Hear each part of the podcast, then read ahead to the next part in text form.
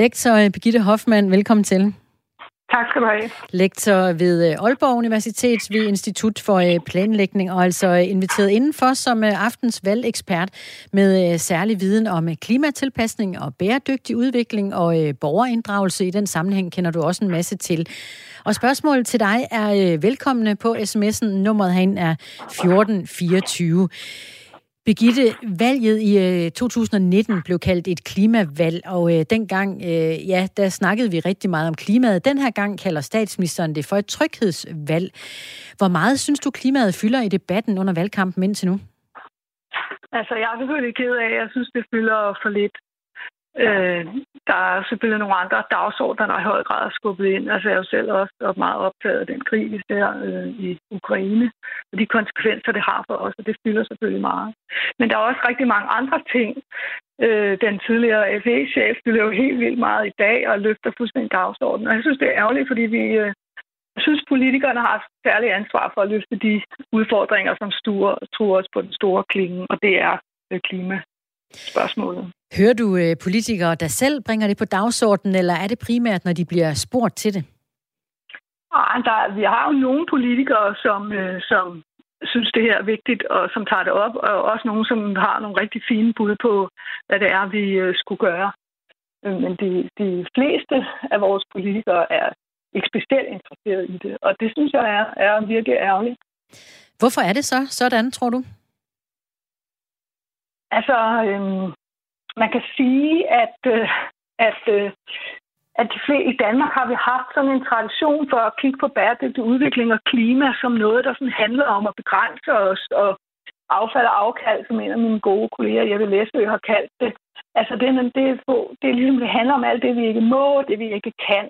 Og det, der er så ærgerligt, det er, at mange af de andre spørgsmål i vores samfund omkring sundhed og stress osv., de kunne blive koblet rigtig fint op sammen med klimadebatten. Men i dag er den helt afkoblet fra velfærdsdiskussionen, og det er en stor fejl. Hvordan kan man koble det mere sammen? Altså, øhm, man kan sige, at det handler om velfærd på to måder. Øhm, vi kan ikke bevare vores velfærd, hvis ikke vi handler nu.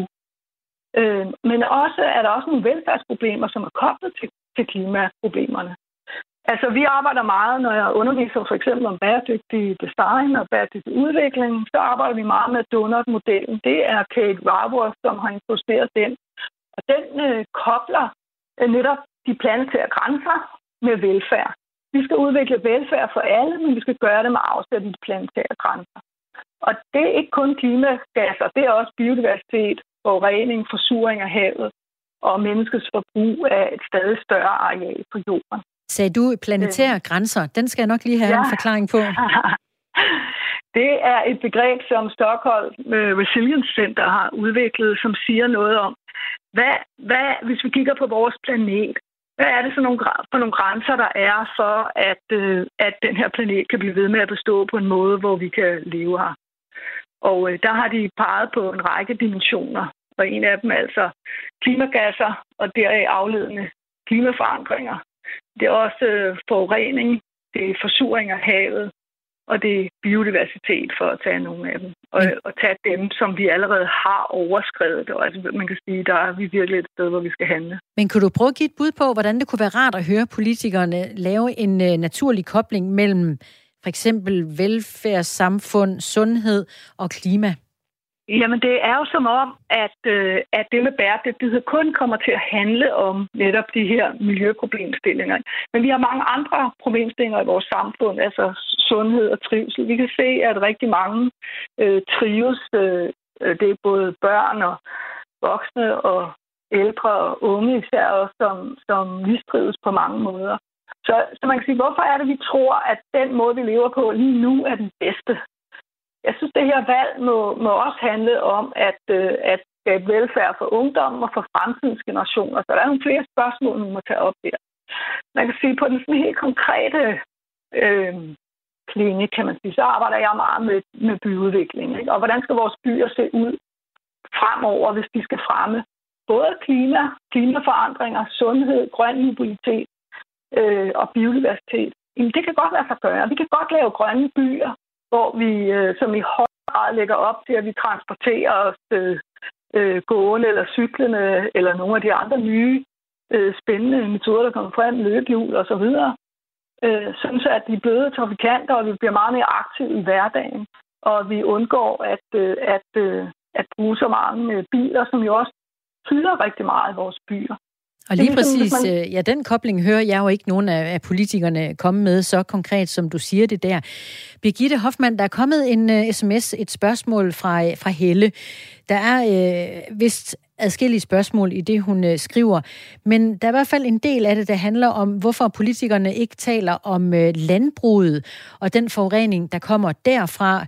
Det, der går ud over klimaet, biodiversiteten og grundvandet. Er det et tabu, man ikke må tale om, spørger Helle. Ja, det er jo svært, men også et rigtig godt spørgsmål, som vi er mange, der faktisk diskuterer.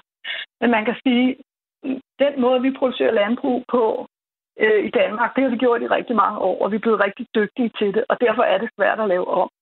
Vi har øh, uddannelser, vi har maskiner, vi har ikke mindst meget store investeringer, som, øh, hvad kan man sige, skaber en form for for, øh, for vej eller sti, som vi er på vej ud af, og som det er svært at ændre retning på. Så det er ikke nemt at lave en omstilling i landbruget. Omvendt, så må man også sige, at, øh, at øh, der er mange landmænd, som, eller der er mange problemstillinger i landmænd. Der er også mange landmænd, som øh, unge landmænd, som ikke kan komme ind øh, i branchen. Der er øh, flere og flere landbrug, som bliver solgt til nogle store internationale øh, kapitalfonde og så videre. Så der er også nogle øh, problemer, som man kan sige, vi, vi, der, der løsner op for, at vi burde gøre noget andet.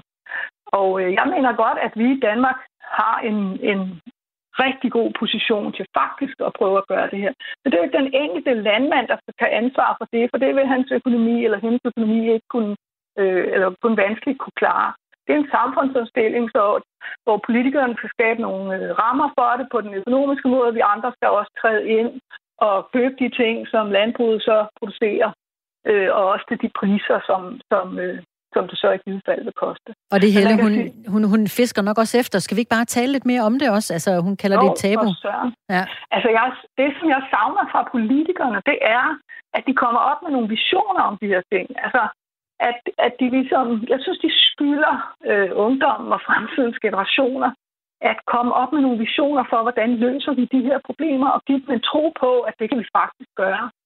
Altså forestillingen om, at, øh, at vi løser den grønne mobilitet, for eksempel bare omstille til elbiler, det ændrer ikke ved den, hvad kan man sige, det kæmpe produktion, der allerede er af biler og veje, og det areal, der bruges biler i byer, og den utryghed, som biler skaber i byerne. Så vi har simpelthen brug for nogle politikere, som, som øh, har nogle visioner om, hvordan at velfærd og miljø kan kobles. Og på, også på den lange sigt. Der er lige kommet et spørgsmål mere øh, fra øh, Brian Havre, og det er muligvis uden for, øh, for dit felt, men nu prøver vi alligevel. Brian skriver, der bliver fældet enormt mange træer til flis, der forbruges i varmeværkerne. Hvordan kan det forsvares, når skov bevisligt er super godt for klimaet? Jamen, det er også et stort problem, at øh, vi bruger så meget biomasse i Danmark. Det har jeg nogle kolleger, som arbejder rigtig meget med. Det er som sagt ikke mit felt. Men øh, det har jeg da hørt fra dem og også læst rapporter. At biomasse er ikke øh, bæredygtigt øh, på den måde, vi gør det i øjeblikket. Så vi har brug for at, at plante meget mere skov og finde nogle andre løsninger til at øh, løse vores energibehov. Og det er øh, Birgitte Hoffmann. Og det var, ja, det var et svar til øh, Brian Havre. Ja. Og tak også øh, Birgitte Hoffmann, lektor ved Institut for øh, Planlægning på Aalborg Universitet, fordi du var med til at svare på spørgsmål i Spørg om valget. Og god fredag, god weekend til dig. Tak skal du have. Du har lyttet til en podcast fra Radio 4. Find flere episoder i vores app, eller der, hvor du lytter til podcast.